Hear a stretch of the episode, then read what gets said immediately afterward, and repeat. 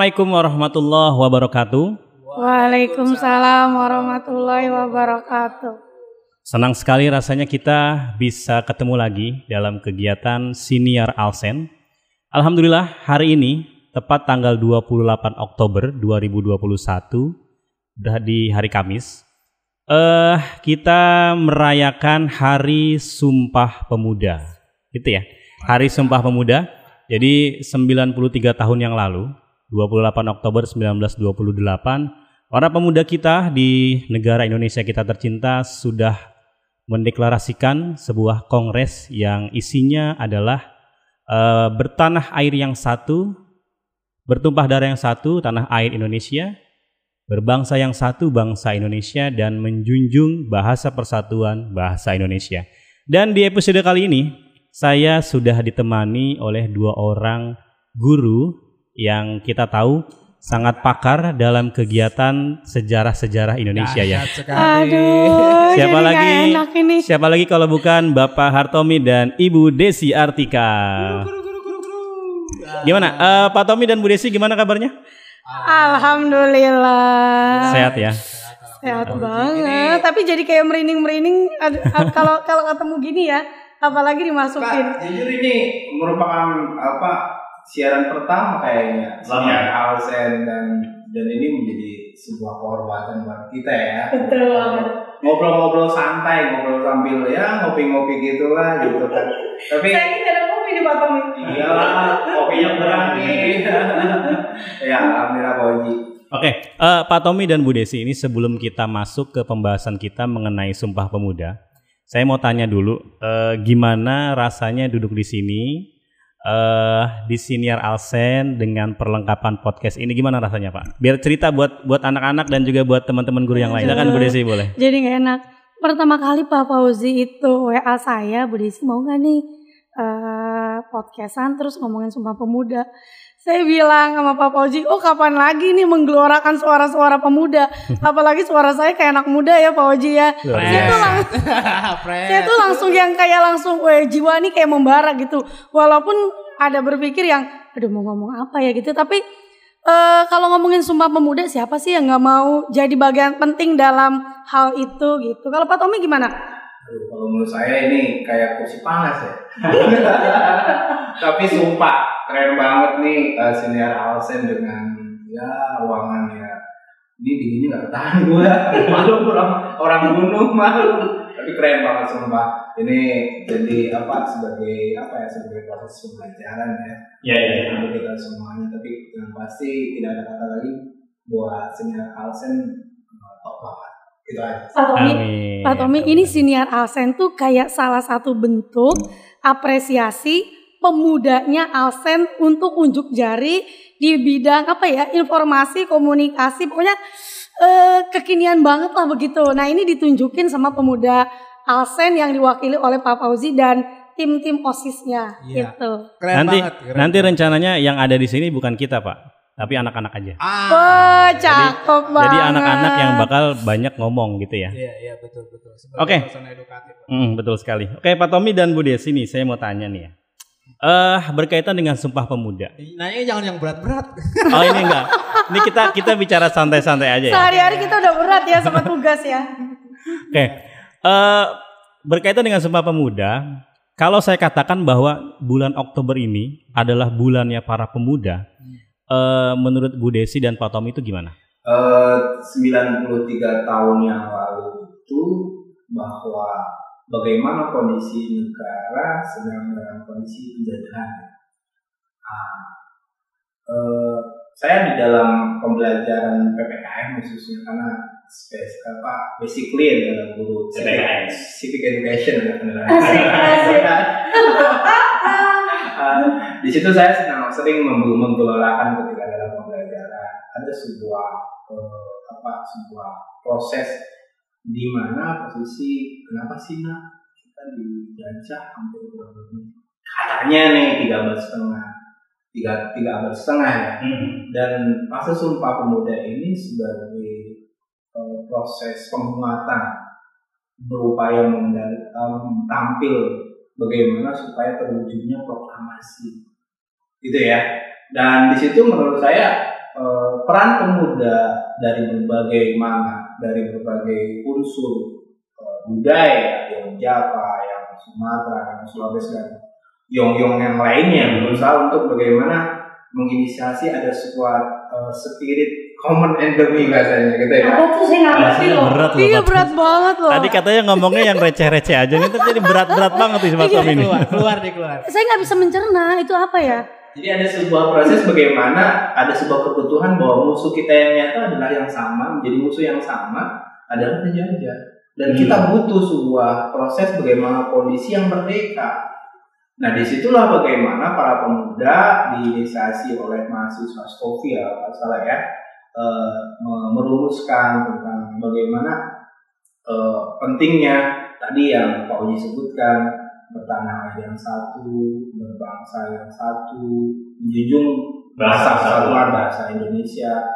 Dan itu saya lihat sebenarnya ini kajian dari Kak Desi sejarah ya Eh, peran dari bagaimana Mr. Muhammad Yamin ya itu kan dalam dalam proses meramu meracik gitu kan dan yang jelas bahwa peran pemuda sebagai agent of change atau agen perubahan dalam konteks dalam dalam konteks ya dalam dalam konteks eh, dinamika perwujudan proklamasi kemerdekaan negara Indonesia sangat dominan sekali menurut saya. Berarti tidak berlebihan kalau kita katakan emang bulan Oktober ini bulannya para pemuda gitu ya. Wih, untuk keren membuat sebuah Top perubahan. banget itu. Emang betul, betul. Makanya kan ada ada apa ada ada mengatakan bahwa gini bahwa di pundak pemuda itulah bagaimana tempat estafet keberadaan atau eksistensi negara ini berada. Luar biasa. Itu aja. Oke, itu dari Pak Tommy gimana? Kalau kalau Bu Desi gimana Bu? Silakan Bu. Kalau saya melihat itu di mana? Tadi kan Pak Tommy bilang gini, banyak para yong-yong begitu, yang gitu kalau bahasa Inggrisnya. Jadi para pemuda pada waktu itu yang diwakili oleh eh, Jong Java.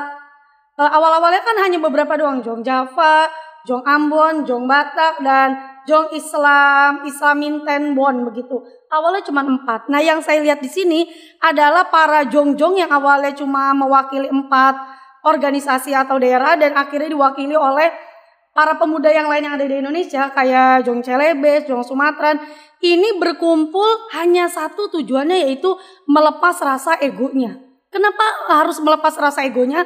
Kalian bayangin mereka berpikir kalau saya nih saya orang Jawa, saya berpikir bahwa eh, bahasa saya lebih bagus, eh, dari tradisi saya lebih bagus daripada mungkin orang yang ada di Papua, orang yang ada di Sulawesi, orang yang ada di Nusa Tenggara Timur atau Barat misalnya begitu.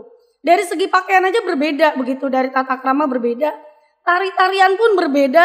Eh, misalnya di Sumatera harus yang eh, meninggalkan bahwa kami lebih keren dari segi pakaian, eh, tarian begitu, tapi di situ mereka berkumpul, mereka melepaskan egonya yang tadi dibilangin sama Pak Tommy. Dengan satu tujuan adalah bersatu.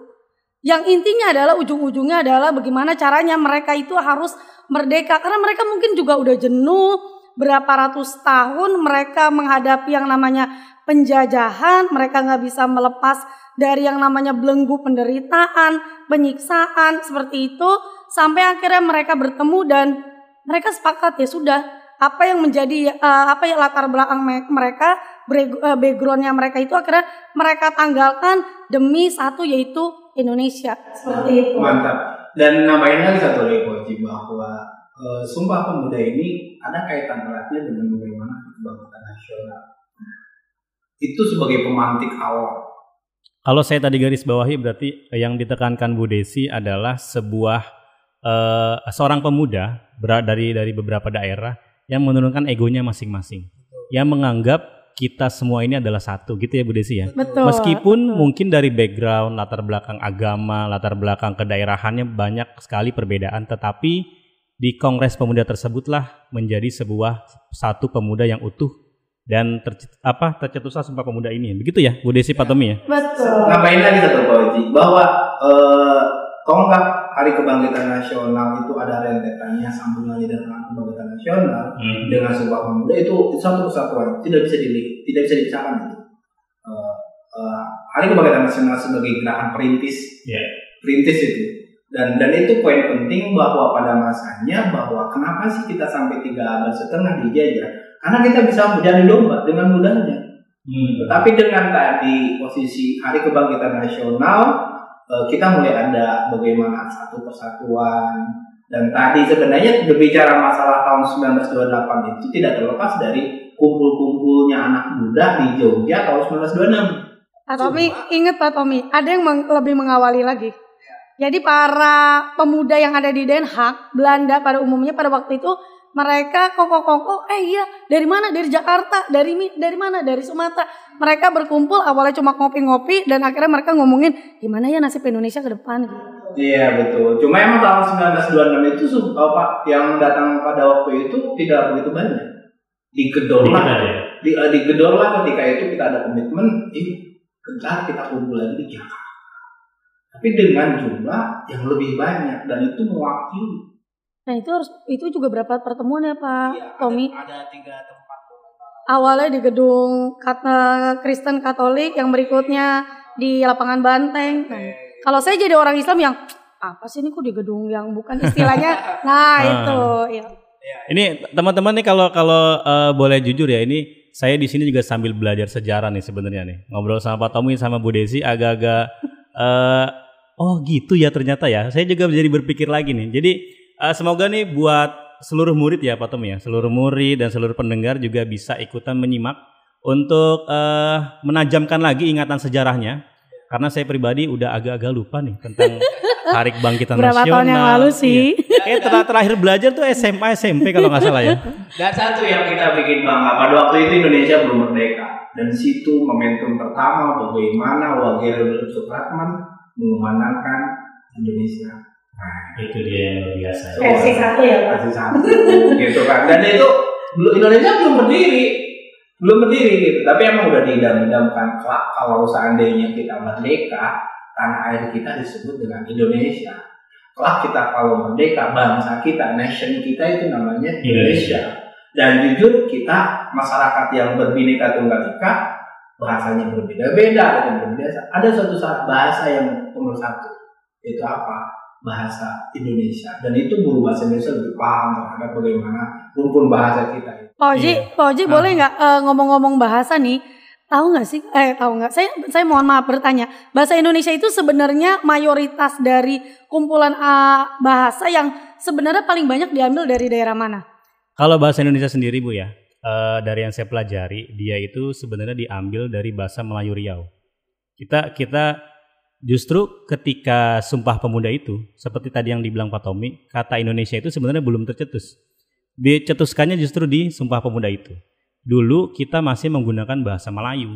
Dan cikal bakal bahasa Indonesia sendiri diambil dari bahasa Melayu Riau, kemudian eh, banyak perkembangan, banyak perubahan, kemudian dari Sumpah Pemuda ini kita menyebutnya sebagai bahasa persatuan bahasa Indonesia. Gitu Bu Desi kira-kira kalau Nah dalam bahasa itu Indonesia. Pak Oji maksudnya eh, saya inget banget dulu eh, nemenin anak OSN Fatarani ke Pekanbaru. Subhanallah. Ini loh bahasa yang maksudnya bahasa Indonesia yang eh, yang diambil paling eh, paling banyak tuh dari kami orang-orang Riau bilangnya gitu. Nah itu Iya, Pak emang Oji. betul, emang betul. Itu loh Pak Oji yang bisa kita garis bawahi adalah kalau saya orang Jawa atau saya orang Papua, enak banget orang Riau yang banyak bahasanya diambil tapi kita orang orang Papua yang sama-sama katanya Indonesia tapi bahasa kita tuh yang diambil dikit. Nah, itu yang saya bilang kita harus melepas ego kita begitu. Jadi di situ saya lihat bagaimana melihat bagaimana apa ya eh, tujuan bersama dengan menanggalkan egosentris lokalisme. Kalau dalam kumpul itu saya lihat dari tahun 1928 Hmm. mayoritas orang Jawa.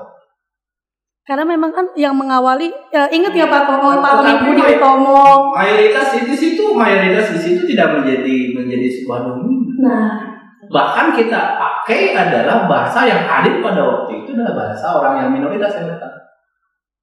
Jadi nggak nggak nggak merasa menguasai gitu ya. Itu kunci dari menurunkan ego masing-masing tadi. Oke, eh, saya beralih ke pertanyaan berikutnya nih Pak Tommy dan Bu Desi. Eh, tadi kan udah ya sekilas kita berbicara mengenai proses Sumpah Pemuda tadi. Eh, kalau saya mau nanya nih Pak Tommy dan Bu Desi, kira-kira sebagai seorang guru, menurut Pak Tommy dan Bu Desi, bagaimana sih cara terbaik kita untuk merayakan Sumpah Pemuda, terutama di masa yang seperti ini? Di mana kita tahu ya media sosial itu sudah berkembang sangat pesat sekali, terutama eh, sekarang lagi pandemi, kemudian apa-apa semuanya serba virtual. Kira-kira gimana sih Pak? Nah tadi yang ngom eh, dua hal yang saya ingat dari omongan Pak Uji, maksudnya pertanyaannya eh, masa pandemi dan di zaman yang serba canggih kayak Iya. beginilah Hmm. gitu. Yang pertama adalah bagaimana kita memperingati Sumpah Pemuda. Kalau di masa begini kan mau keluar aja susah begitu ya. PTM aja baru dimulai dan itu pun masih yang kalau kata Pak Asep pada kayak kanebo kering tahu nggak sih? Kaku Diam-diam gitu ya. aja kaku. Nah itu Kayak nggak kenal temennya nah, gitu ya. itu maksudnya bagaimana kita mau action kalau yang siapa sih? Ini siapa ya? Mau kenal aja bingung begitu. Caranya adalah masing-masing kita nih, mungkin itu yang biasa dilakukan oleh tim eh, Humas eh, Alsen yaitu dengan menyemarakan eh, peringatan Sumpah Pemuda dengan mempublikasikan melalui misalnya Twibo. Nah, ini ini, ini yang kita lakukan ini adalah salah satu bentuk dari Perayaan. eh, gitu ya. perayaan ya begitu. Terus yang berikutnya eh, menjadikan eh, tanggal 28 Oktober atau bulan Oktober itu bulan pemuda. Artinya ada beberapa kegiatan-kegiatan yang berhubungan dengan eh, kepemudaan, misalnya eh, lomba-lomba begitu, tapi yang berhubungan dengan kepemudaan. Kemarin udah kita lakukan sebenarnya bulan bahasa. Terus yang berikutnya eh, Maulid Nabi.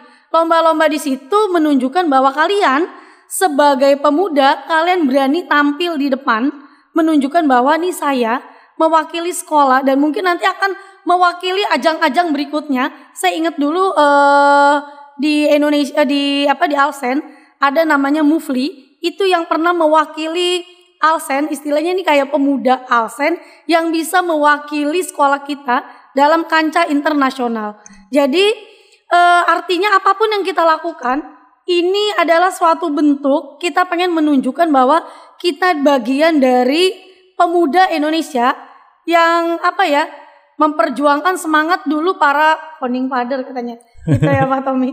Founding fathernya ya. Nah itu.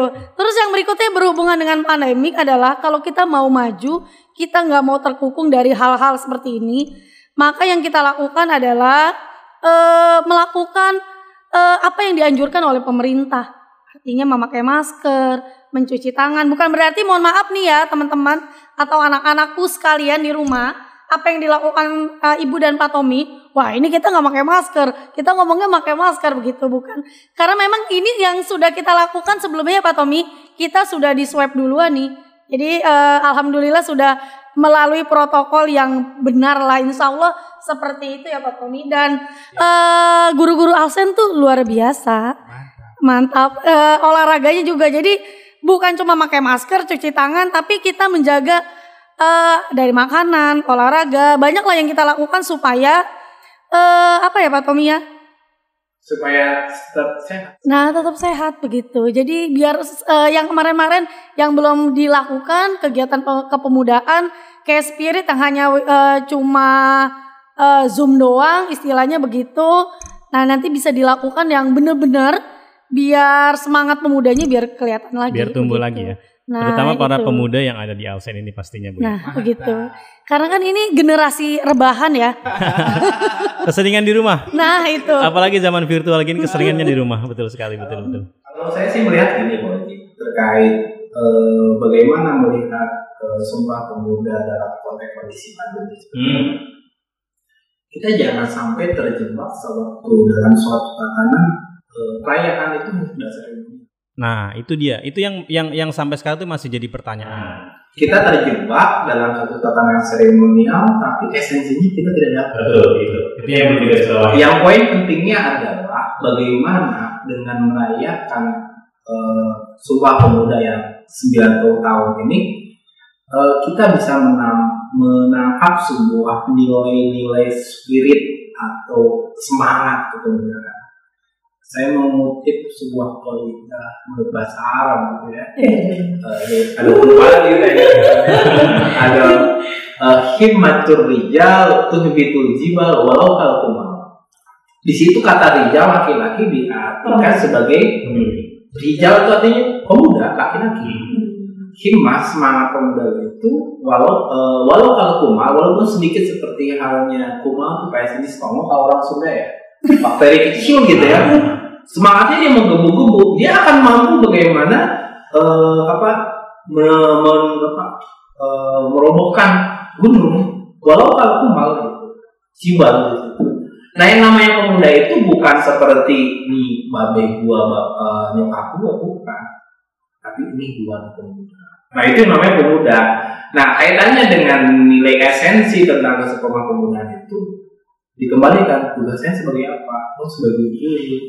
Berarti spirit pemuda di sana, semangat pemuda di sana, guru tugasnya adalah yang agamanya dipuji dan dituju, bagaimana tugas mengajarnya semaksimal mungkin, dia tidak pernah berhenti belajar untuk bagaimana selalu update wawasan-wawasan tentang perkembangan dinamika pembelajaran. Pada sisi lain, sebagai murid ya, tugasnya adalah belajar. Belajar di sini dalam artian kalau mengutip apa yang disampaikan oleh eh, Rasulullah minal mahdilalah Hmm. dari buaya ibu sampai kepada yang Ya. wara dan itu bahasanya kata kata kerennya long life education kan Aduh. dan itu sebagai konsep pengejauhan lahan ya Kita jadi mendadak pinter loh, gara-gara siniar ini loh. ini mendadak pinter gara-gara habis divaksin nih.